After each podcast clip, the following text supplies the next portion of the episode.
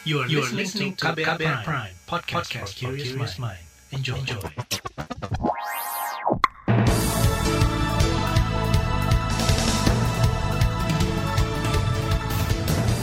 Selamat pagi saudara, senang sekali kami bisa menjumpai Anda kembali melalui program Buletin Pagi edisi Rabu 18 Agustus 2021.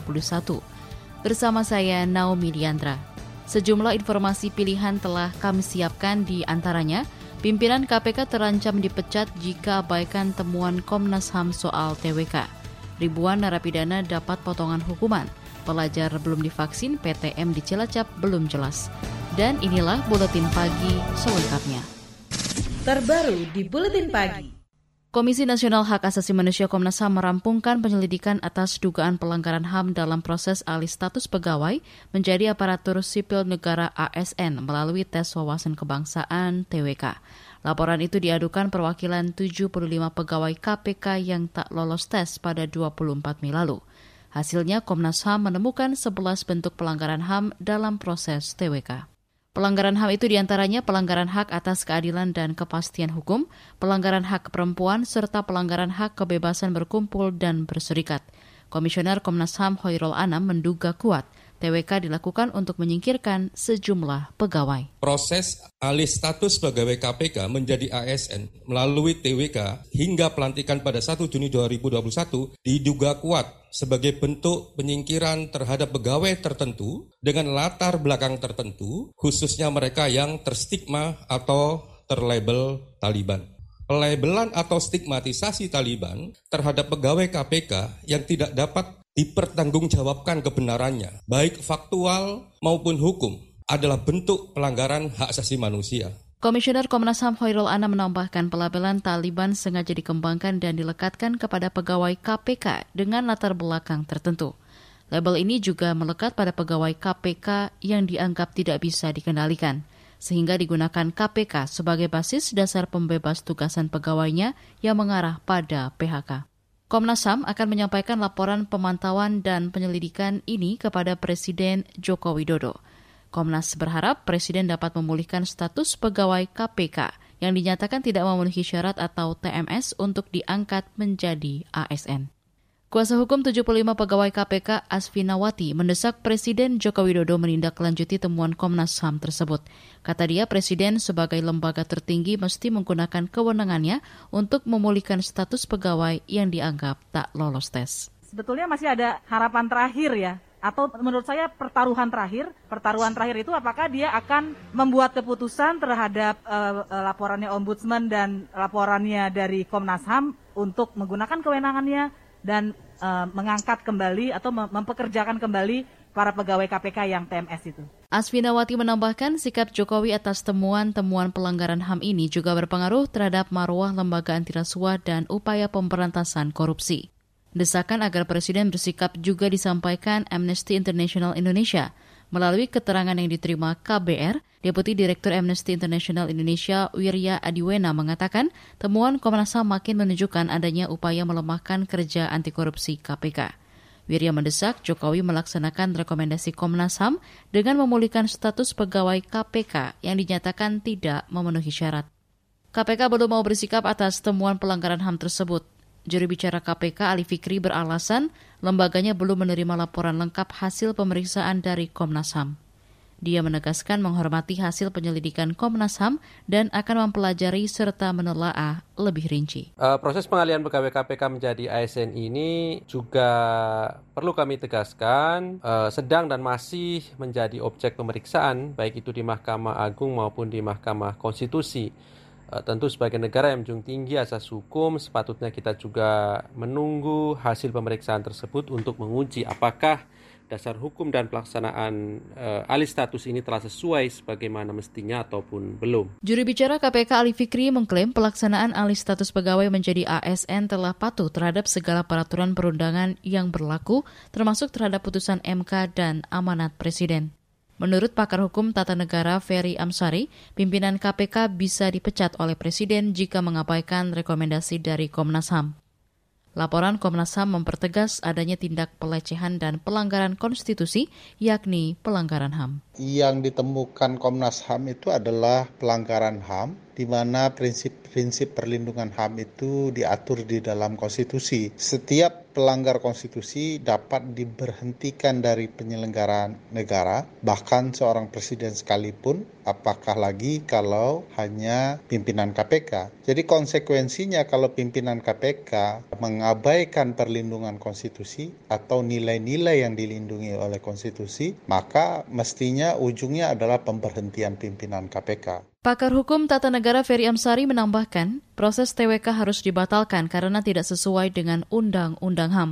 Dia mendesak Presiden Joko Widodo bersikap tegas terkait hasil penyelidikan Komnas HAM. Kata dia, Presiden harus memenuhi standar penyelenggaraan HAM di Indonesia. KBR telah menghubungi Deputi 2 Kantor Staf Presiden KSP Bidang Pembangunan Manusia Abednego Tarigan dan Deputi 5 KSP Jaleswari Pramoda Wardani mengenai hasil penyelidikan Komnas HAM. Namun hingga selasa malam keduanya belum merespon permintaan wawancara dari KBR.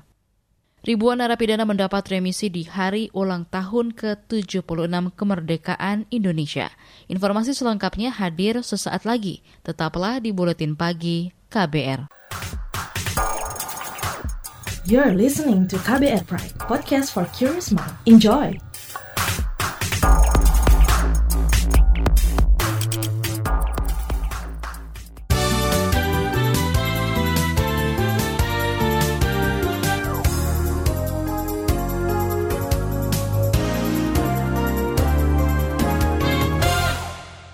Anda sedang mendengarkan Buletin Pagi KBR.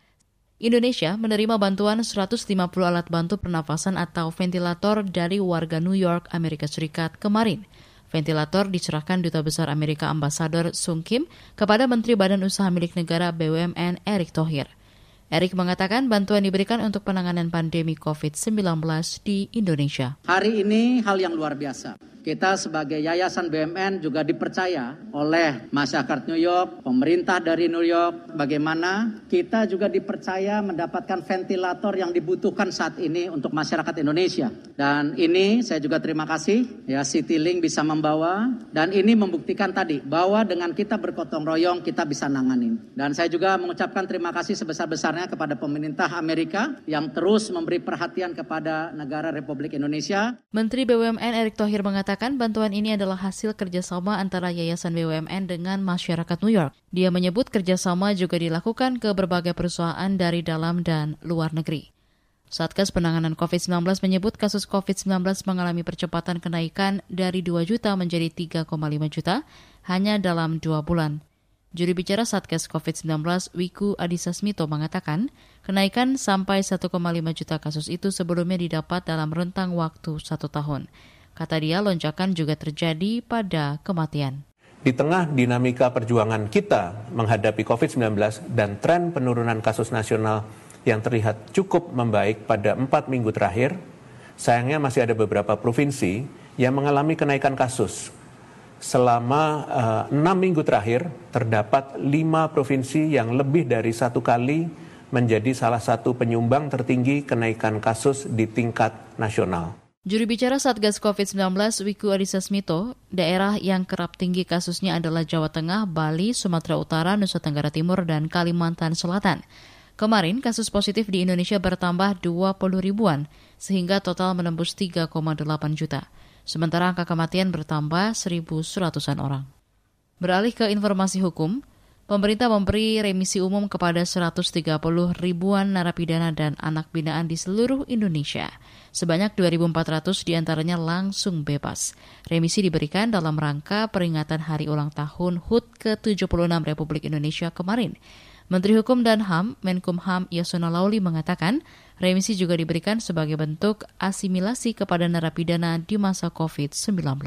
Saya mengucapkan selamat atas remisi tahun ini bagi seluruh warga binaan pemasyarakatan di lembaga pemasyarakatan, lapas, rumah tahanan negara, lembaga pembinaan khusus anak di seluruh Indonesia. Menkumham Yasona berpesan agar narapidana dapat menunjukkan sikap dan perilaku yang lebih baik dalam mengikuti program pembinaan. Dia juga meminta kepada narapidana yang bebas supaya menjadi insan yang hidup dalam tata nilai kemasyarakatan yang baik. Beralih ke informasi ekonomi, Menteri Keuangan Sri Mulyani mengatakan angka pengangguran di Indonesia fluktuatif akibat pandemi COVID-19.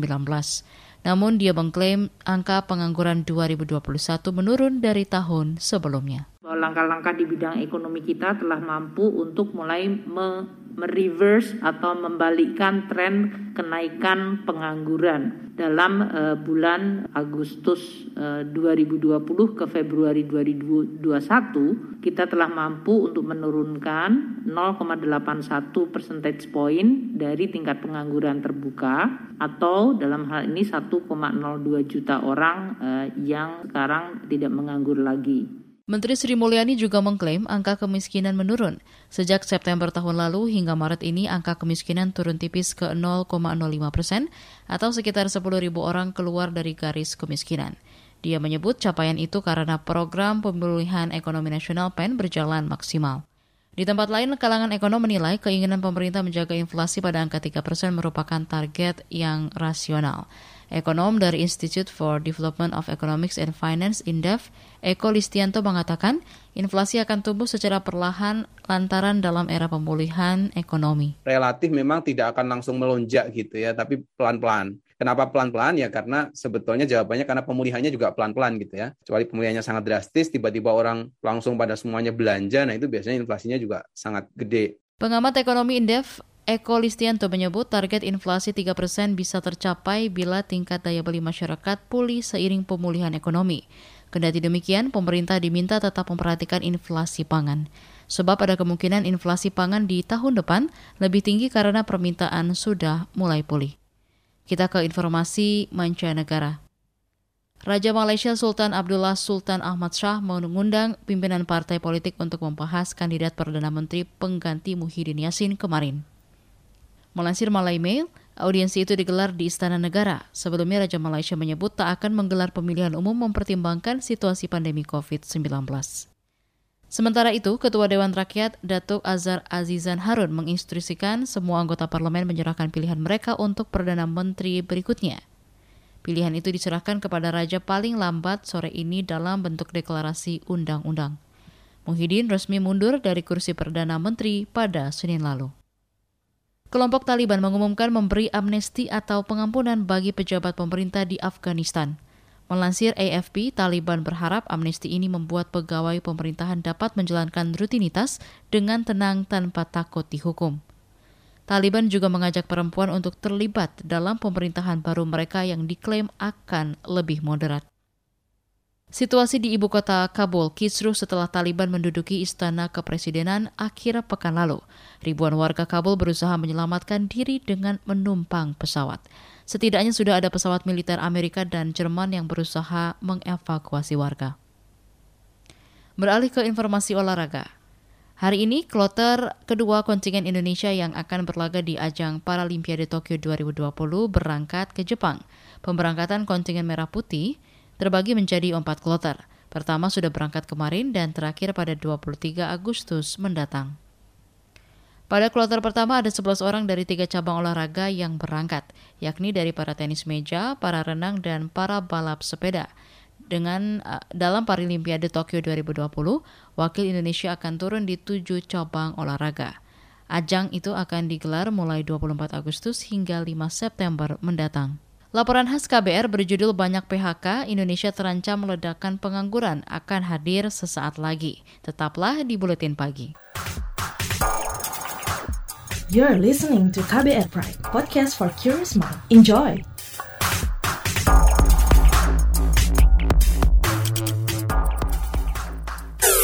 Commercial break. Hmm, saya heran kenapa dagangan Bulastri selalu laris manis ya? Jangan-jangan dia pakai penglaris nih. Ah, masa iya sih? Ah, saya samperin aja kali ya.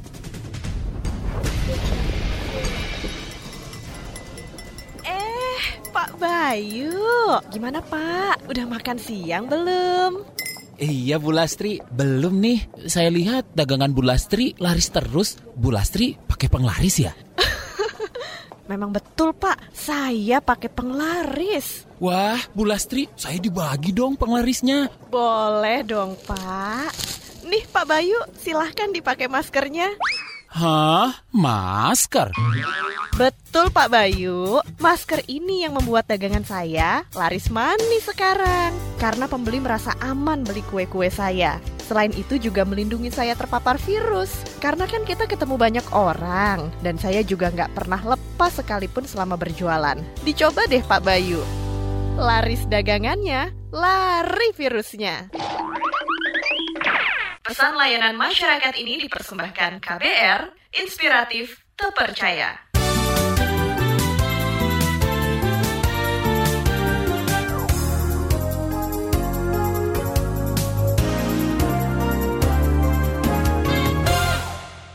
Anda masih bersama kami di Buletin Pagi KBR. Kementerian Ketenagakerjaan memprediksi sekitar 800 ribuan pekerja akan mengalami pemutusan hubungan kerja PHK sepanjang 2021. Tingginya pekerja yang di PHK ini imbas pandemi COVID-19 yang menghantam sektor industri dan ekonomi. Pemerintah pun seolah dibayangi ancaman ledakan pengangguran di depan mata. Bagaimana solusinya? Berikut laporan khas KBR yang disusun jurnalis Astri Septiani. Kementerian Ketenagakerjaan mengungkapkan ada hampir 1.500-an perusahaan di seluruh Indonesia melaporkan akan mem-PHK pekerjanya. Menurut Dirjen Pembinaan Hubungan Industrial dan Jaminan Sosial Tenaga Kerja Kemnaker, Indah Anggoro Putri, banyaknya perusahaan yang mem-PHK karyawannya ini imbas pandemi COVID-19.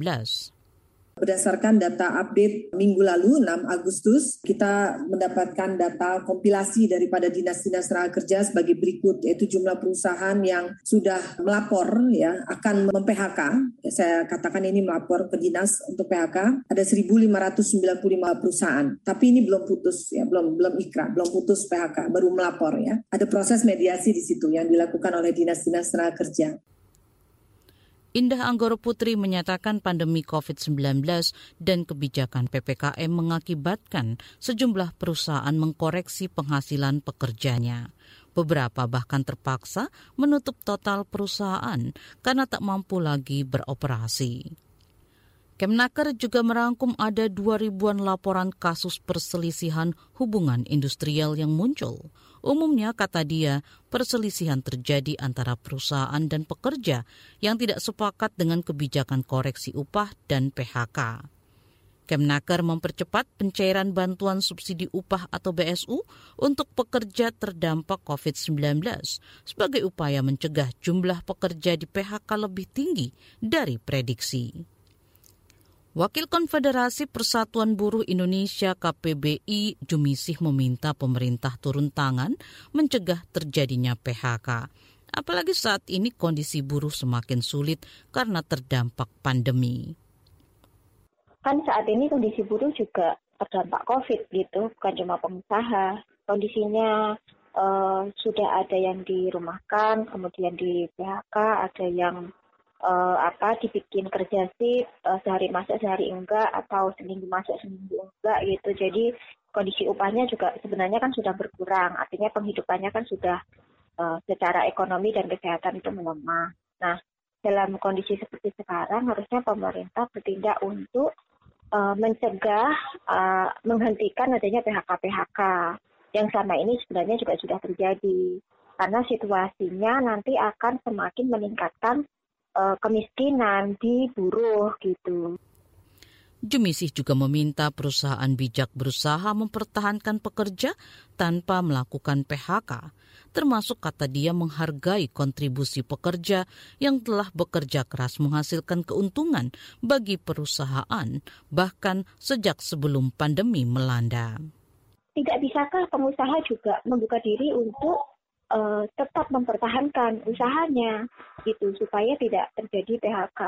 Saya khawatir gitu uh, ledakan pengangguran itu nanti akan berdampak buruk terhadap banyak hal di negara kita. Misalnya uh, apa daya beli masyarakat menurun, tingkat kriminalitas meningkat, tingkat kemiskinan meningkat gitu. Itu kan tidak bagus juga. Di sisi lain, ekonom senior Faisal Basri juga menyoroti tingginya angka pengangguran. Dia menyebut pengangguran paling banyak berasal dari tamatan sekolah menengah kejuruan atau SMK. Nah kemudian uh, dilihat dari pendidikan yang menganggur itu di sebelah kanan ya terbesar adalah tamatan SMK. Pusing nggak kita nih? Ya, yang naik kencang juga tamatan SMK dari 8,4 persen menjadi 11,5 persen.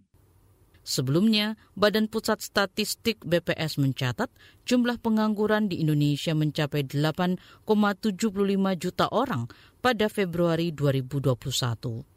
Angka tersebut meningkat 1,82 juta dibandingkan periode yang sama pada tahun lalu, yakni 6,93 juta orang.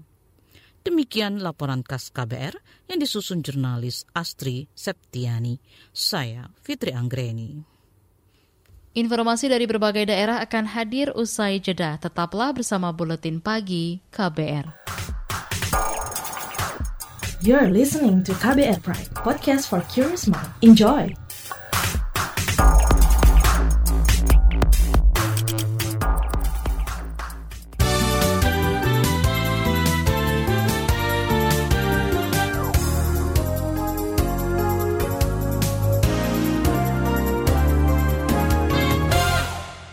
Inilah bagian akhir buletin pagi KBR.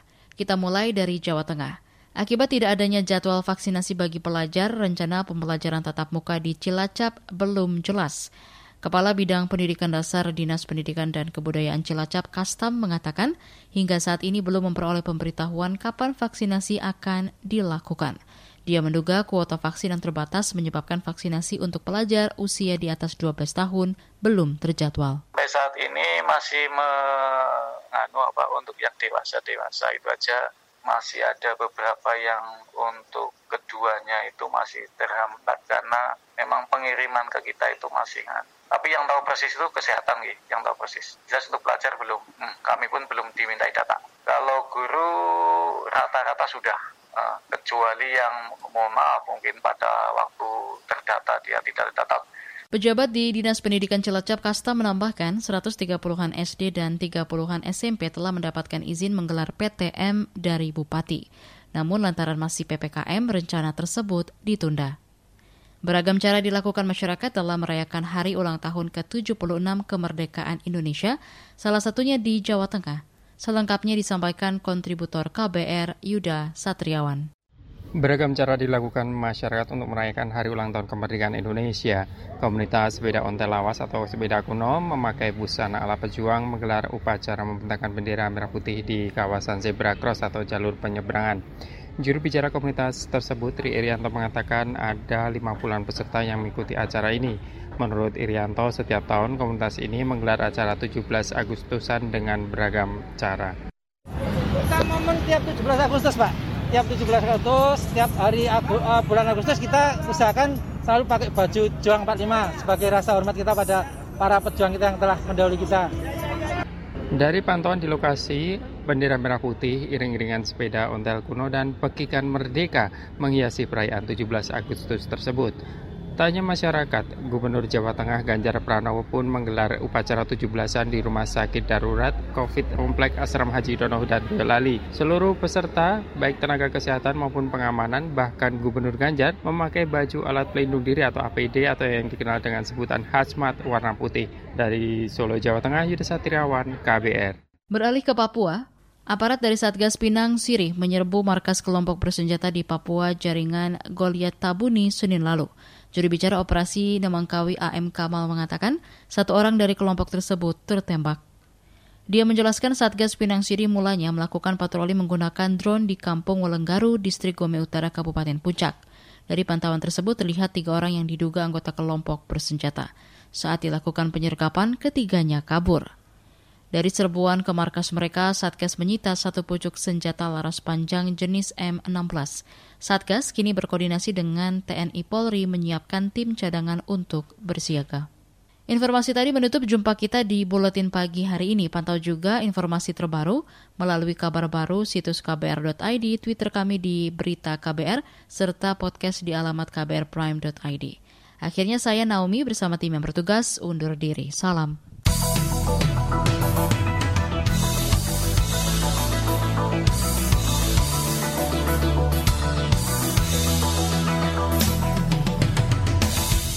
KBR Prime, cara asik mendengar berita. KBR Prime, podcast for curious mind.